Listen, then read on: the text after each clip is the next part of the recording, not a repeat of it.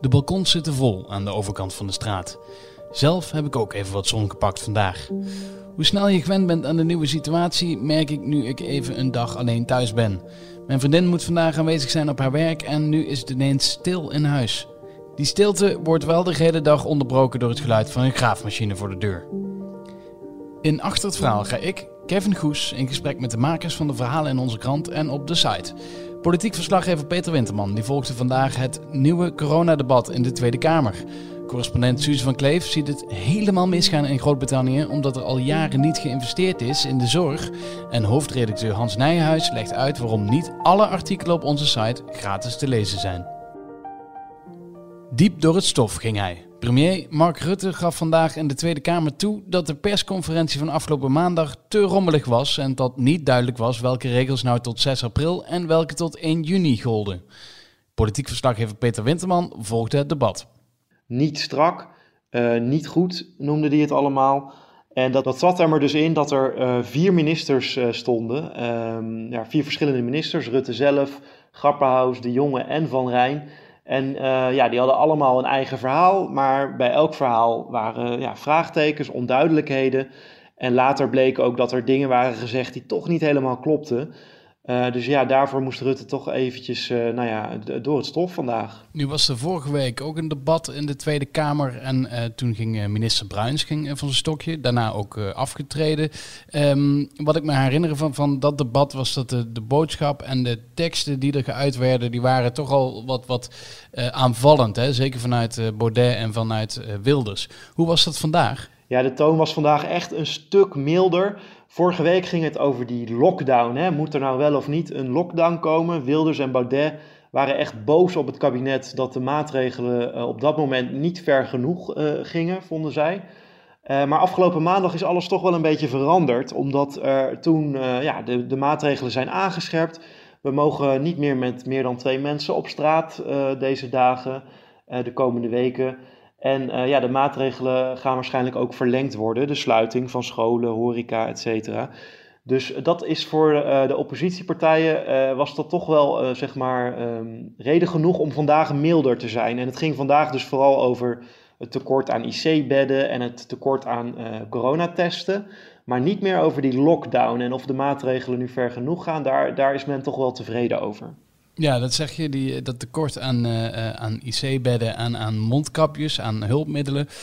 Is daar iets over besloten? Nou, wat er besloten is, maar dat, dat was eigenlijk al in gang gezet, is dat het kabinet echt alles uit de kast trekt om genoeg mondkapjes te krijgen, om genoeg coronatesten te krijgen. Hugo de Jonge had het wel even lastig, de minister van Volksgezondheid, tijdens dit debat omdat hij in eerste instantie zei dat het nog wel heel spannend kon gaan worden of er volgende week genoeg IC-bedden zijn in Nederland. Uh, er moeten er 1600 uh, eh, zijn in Nederland. Uh, dat zijn er 500 meer dan normaal. En hij zei dus van ja, ik weet niet of we dat gaan halen.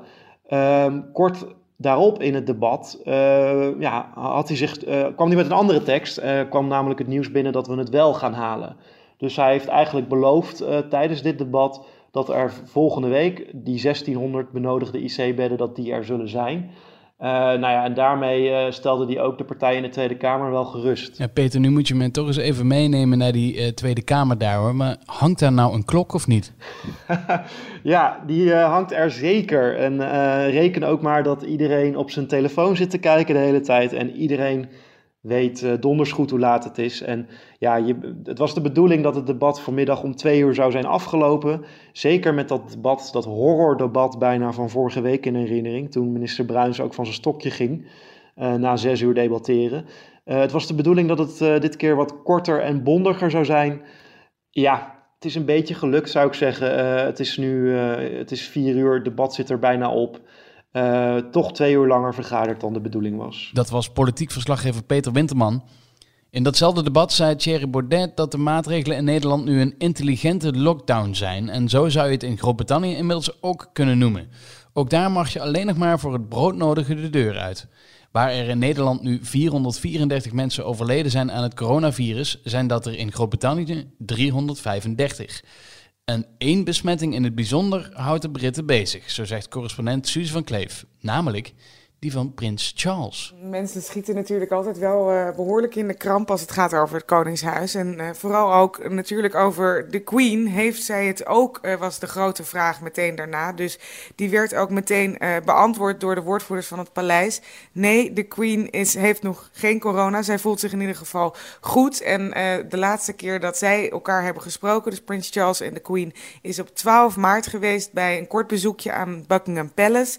En de dokters van Prins Charles die zeggen dat hij op zijn vroegst pas op 13 maart besmettelijk uh, zou zijn geweest. Dus de Queen die is voorlopig nog oké. En ja, Prins Charles die uh, voelt zich goed, um, zeggen zijn artsen. Hij ligt ook niet in bed. Hij heeft alleen milde symptomen. Dus hij werkt gewoon uh, vanuit huis. En dat is een huis in Schotland waar hij op dit moment zit met zijn vrouw Camilla. En Camilla die heeft geen corona, is ook getest, maar die is dus negatief getest. Dus ja, die twee blijven voorlopig de komende weken in ieder geval in sociale isolatie in uh, het huis in Schotland. Nu hebben wij uh, in Nederland heel veel aandacht voor ja, wat hier zelf gebeurt. Maar ook kijken we veel naar Spanje en naar Italië. Twee echte brandhaarden op, op het gebied van corona.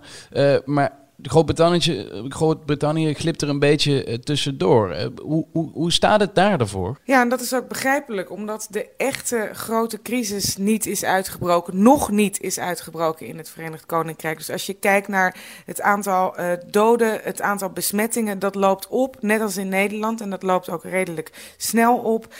maar het is gewoon nog niet zo erg als in Italië en in Spanje.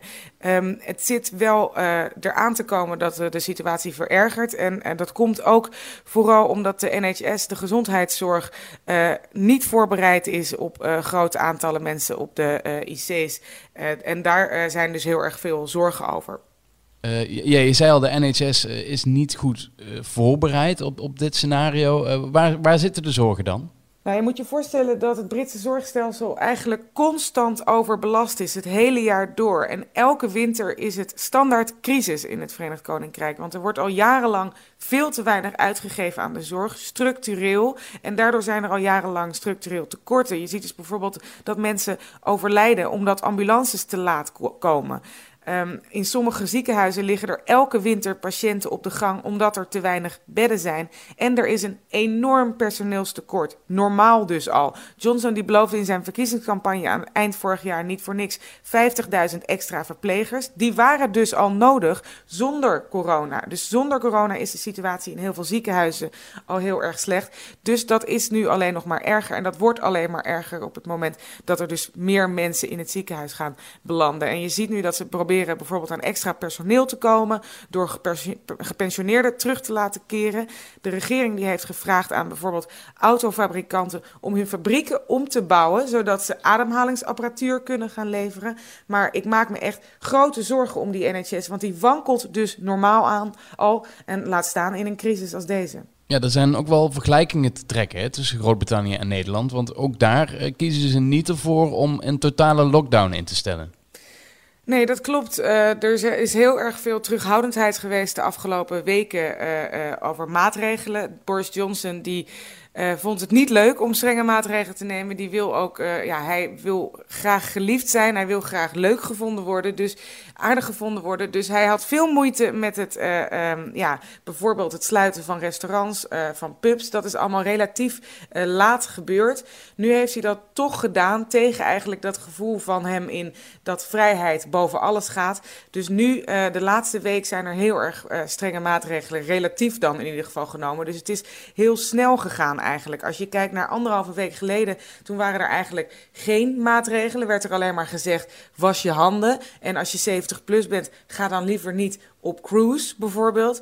Uh, en uh, ja, tien dagen later zit het land toch redelijk op slot. In ieder geval voor Brit, uit de Britse optiek vinden ze wel dat ze in uh, lockdown zitten. Um, ze moeten ook thuis blijven, dat is het, het advies, maar ook de maatregels. Ze zeggen, de Britten mogen nu niet naar buiten, behalve als je eten gaat kopen, als je gaat sporten één keer per dag, of als je medische redenen hebt of als je moet werken in een van die kritieke, vitale beroepen. Maar voor de rest moet je thuis blijven. En daar zijn ze dus strenger uh, over dan in Nederland. Je mag ook geen contact hebben, geen sociaal contact, fysiek contact dan met mensen buiten je, buiten je huishouden. Dus Johnson die zei ook, als je vrienden je uitnodigen om iets te gaan doen, zeg dan nee. Als je familie buiten je huishouden vraagt om uh, ze te ontmoeten, zeg dan nee. En uh, in Nederland is dat huisbezoek nog ietsje, ja, ietsje ruimer. Hoe reageert de Britse bevolking daarop? de ene week zegt Boris Johnson dit, andere week zegt hij dat. staan ja. ze nog een beetje achter hem? Nou, het opvallende is dat hij heel erg um, sinds die strenge maatregelen uh, um, dat hij populairder is. Uh, dat 93% van de Britten zegt achter deze maatregelen te staan. Uh, en dat hij de afgelopen week ook gestegen is in zijn populariteit in de, in de peilingen. Dus op dit moment staat Boris Johnson er wel goed voor. Correspondent in Groot-Brittannië, Suze van Kleef.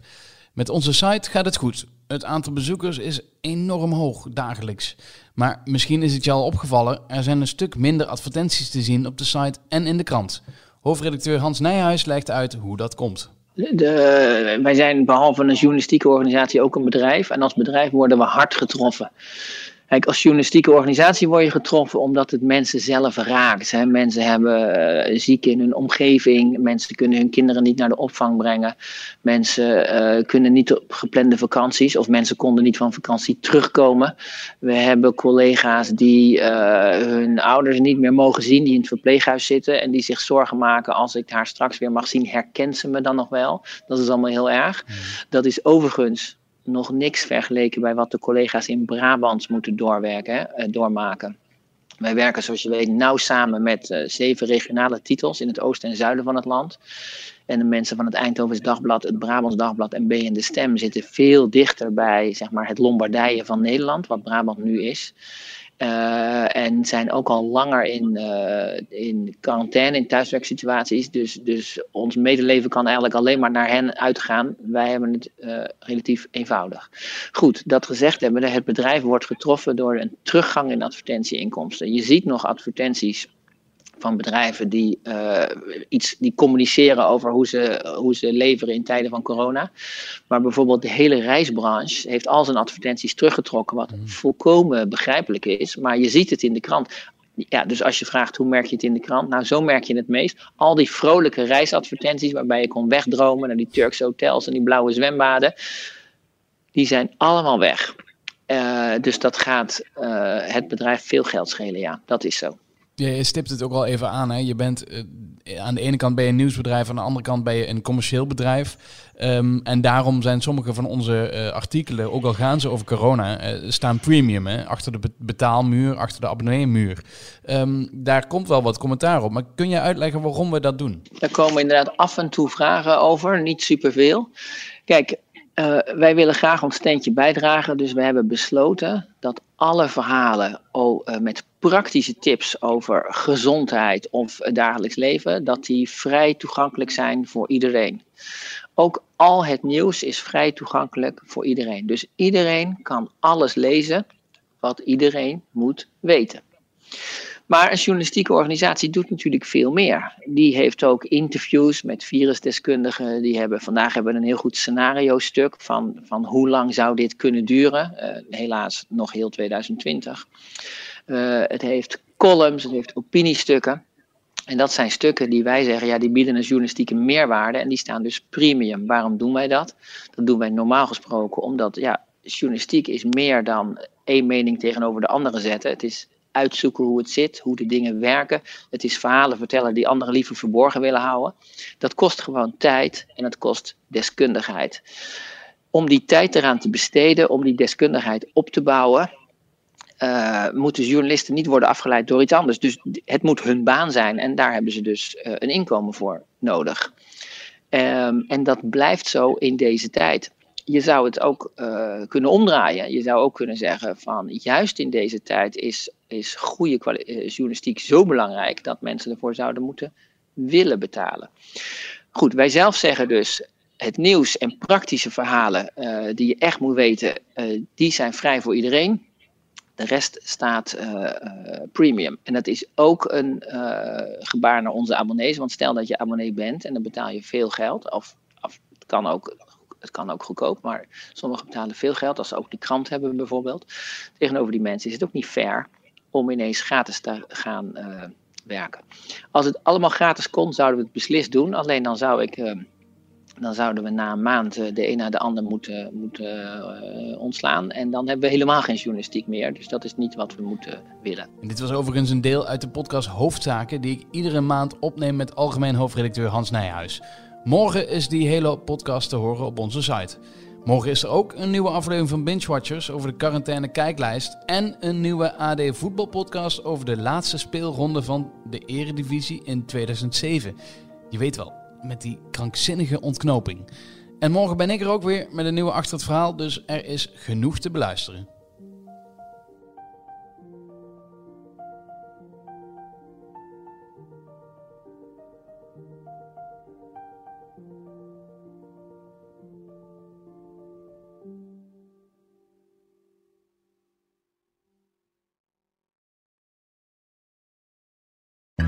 Wereldnieuws gaat ons allemaal aan. Maar als het nieuws gaat over je stadje, je buurtje of je straatje, dan voel je, dit raakt. Daarom lees je in het AD alles over het nieuws in de wereld, Nederland en jouw regio. Download nu de AD-app en mis nooit wat voor jou belangrijk is. AD, altijd dichtbij.